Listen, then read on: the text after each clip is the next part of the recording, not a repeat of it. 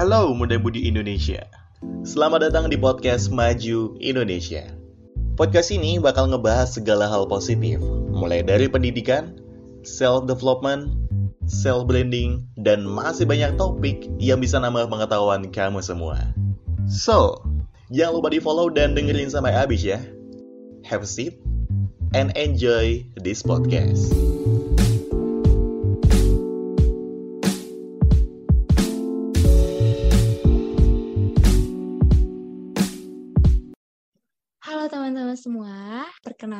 Nih aku Tiara Dewi Nabila Fariha. Jadi hari ini aku tuh pengen ngobrol-ngobrol santai bareng sama Ada Merdeka yang di mana beliau adalah founder dan juga CEO dari Ambivers.id. Halo Kak Adam. Halo Mbak Tiara. Halo gimana nih kabarnya Kak Adam? Alhamdulillah baik. Eh, Kak Tiara sendiri gimana? Wah, alhamdulillah baik juga nih. Em, kira-kira eh, Kak Adam sekarang tuh lagi ngapain sih? Lagi di mana juga Kak? Aku kebetulan habis dari kampus, jadi ada kayak eh, rapat organisasi dan sekarang mungkin lagi di kosan aja sih ya. Eh, boleh nih Kak Adam memperkenalkan dirinya dulu terlebih dahulu, baru nanti Kak Adam bisa memperkenalkan Ambivers itu seperti apa dan juga bagaimana. Oke, makasih buat waktunya. Halo teman-teman semua, perkenalkan nama aku Adam Merdeka. Saat ini aku sebagai mahasiswa juga di semester 5, tapi selain menjadi mahasiswa, saat ini juga aku sedang ngebangun nih startup namanya Ambivers.id. Jadi kayak startup pendidikan gitu teman-teman. Wah, Kak Adam tuh masih mahasiswa tapi tuh udah membuat startup yang luar biasa banget, keren banget sih Kak Adam ini. Oke, kalau boleh tahu nih Kak Adam, Ambivers itu tuh bagaimana sih? Eh, kayak mungkin teman-teman pada banyak yang belum tahu ya. Oke, makasih. Eh, untuk Ambivers.id sendiri itu cara pendidikan teman-teman. Jadi kita kayak membangun beberapa produk pembelajaran buat pejuang, khususnya pejuang UTBK sih. Tapi kalau buat sekarang kita mau coba eh, market size itu nggak eh, siswa aja, tapi ke mahasiswa. Di Ambivers sendiri baru dibangunnya tuh tahun 2020, awal awal COVID gitu, Tiara. Jadi eh, di awal COVID itu Ambivers baru dibuat dan saat ini alhamdulillahnya sudah kayak memiliki uh, lumayan banyak alumni uh, dalam pembelajaran di Ambivers dan sekarang sedang mendevelop lebih sistem baru lagi gitu. Oke, jadi Ambivert itu tuh startup uh, yang berkaitan dengan bidang pendidikan ya. Jadi Kak ini emang salah satu sosok inspiratif sekali gitu di masa pandemi sekarang karena beliau sudah memikirkan bagaimana caranya uh, bisa berinovatif di masa pandemi ini juga dan juga produktif. Nah, aku boleh tahu nih kenapa sih alasan kakak uh, membuat startup Ambivers ini gitu? Untuk alasannya mungkin uh, waktu itu kan transisi ya Tiara, jadi dari offline ke online.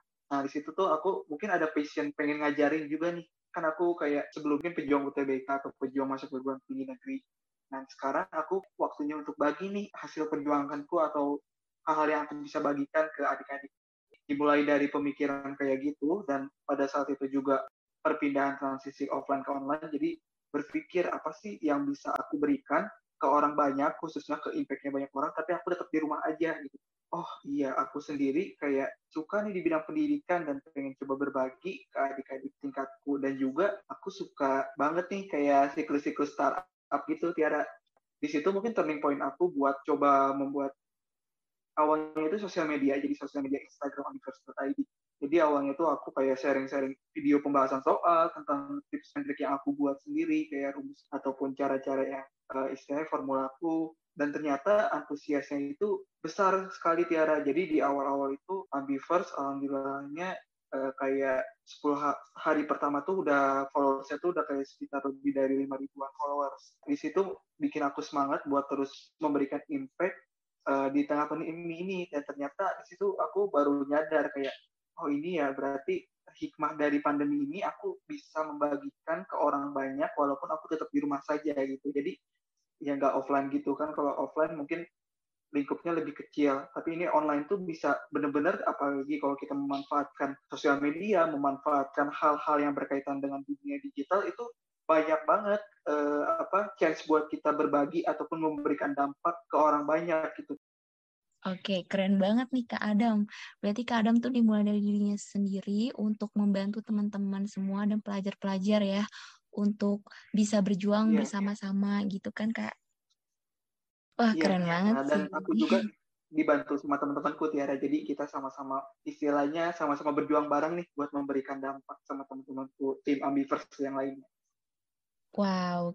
Nah, kalau aku boleh tahu, gimana nih ya untuk Ambivers ini tetap berinovatif uh, di era pandemi gitu? Uh, mungkin karena sekarang di era digitalisasi juga gitu, internet apa-apa gampang gitu. Kak Adam tuh dengan bagaimana caranya uh, tetap berinovatif gitu di bidang digital ini, Kak? Mungkin uh, cara berinovatif sendiri ngelihat problem dan interest kita mungkin. Gak harus inovatif, tapi kita harus bisa cari celah lah, cari kesempatan. Mungkin banyak banget ya kayak orang-orang ketika ada kesiapan di situ, ketika ada kesempatan di situ mungkin apalagi di pandemi ini banyak sekali hal-hal yang bisa kita lakukan secara online. Banyak sekali kan kayak tiktokers ataupun uh, influencer ataupun startup-startup baru yang munculnya itu malah saat pandemi. Jadi ide-ide yang dihasilkan itu kepikirannya itu pada saat adanya uh, pandemi kayak gini. Jadi digitalisasi itu benar-benar uh, dimanfaatkan gitu. Dan juga mungkin cara buat inovatif kita sebagai startup development. Jadi kita tuh uh, aku sendiri memikirkan dampak dulu nih kayak value apa sih yang bisa aku berikan ke orang banyak. Setelah value yang kita berikan emang sesuai, itu pasti ada impact-nya buat kita misalnya dari segi kalau startup bisnis profit atau hal-hal yang lainnya. Cuman yang aku pikirkan pertama kali sih value itu sih Tiara. Jadi cara inovatifnya mungkin kayak uh, kita harus benar-benar bisa ngelihat problem di sekitar kita, kita harus bisa benar-benar peka nih apa yang ada di sekeliling kita tuh masalah-masalah apa sih yang ada di sekeliling kita. Kayak misalkan, oh iya di zaman sekarang kayaknya misalkan masker ya, cara inovatif dari pembuatan masker itu masker duckbill itu dibuat itu dari kepikiran foundernya itu kalau masker-masker yang slim gitu, itu tuh masih banyak orang tua orang tua atau orang-orang yang lansia itu ngerasa uh, siklus penapasannya itu nggak baik, maksudnya nggak lancar gitu, karena kan slim gitu Tiara. Nah di situ mungkin founder itu melihat uh, masalah itu tuh apa sih yang bisa kita cari solusi dari hal itu. Oh iya, ternyata masker juga butuh ada sirkulasi loh buat bisa bernafas dengan gampang itu mungkin dengan cara uh, dengan metode ATM gitu Tiara. Jadi amati, tiru dan modifikasi dari masker yang tadi slim melihat problem dari masker itu masih banyak orang yang merasa kesulitan bernafas sehingga ada bentuk inovatif baru dari hal itu yaitu masker duckbill gitu Tiara. Jadi uh, itu merupakan salah satu bentuk kita untuk bisa inovatif teman-teman.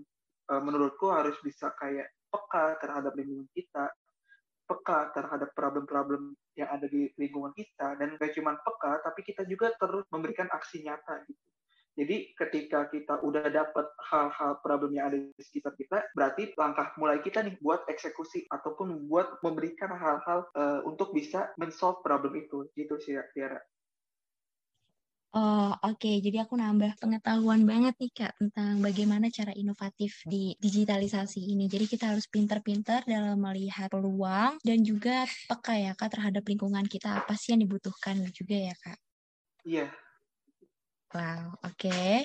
Nah, untuk selanjutnya aku pengen ada pertanyaan juga yang di mana aku kepo deh, Kak. Um, produk apa aja sih yang udah dibuat gitu atau dimiliki oleh Ambivers?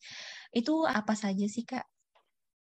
Untuk Ambiverse sendiri produknya seputar dunia pendidikan. Jadi kayak kita membuat bimbingan belajar, cuman kayak bimbingan belajarnya itu ada bentuk paket gitu. Jadi ada dapat tryout, dapat ibu pembelajaran, dapat bimbingan secara online melalui Zoom dan juga dapat e-learning melalui website.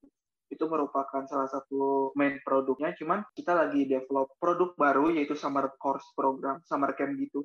Jadi itu baru dimulai kemarin kegiatannya itu merupakan kegiatan pengembangan skill. Jadi ada beberapa hari ataupun selama sebulan gitu. Jadi para mente-mentenya itu dapat pembelajaran dari expert-expert itu dan profesional.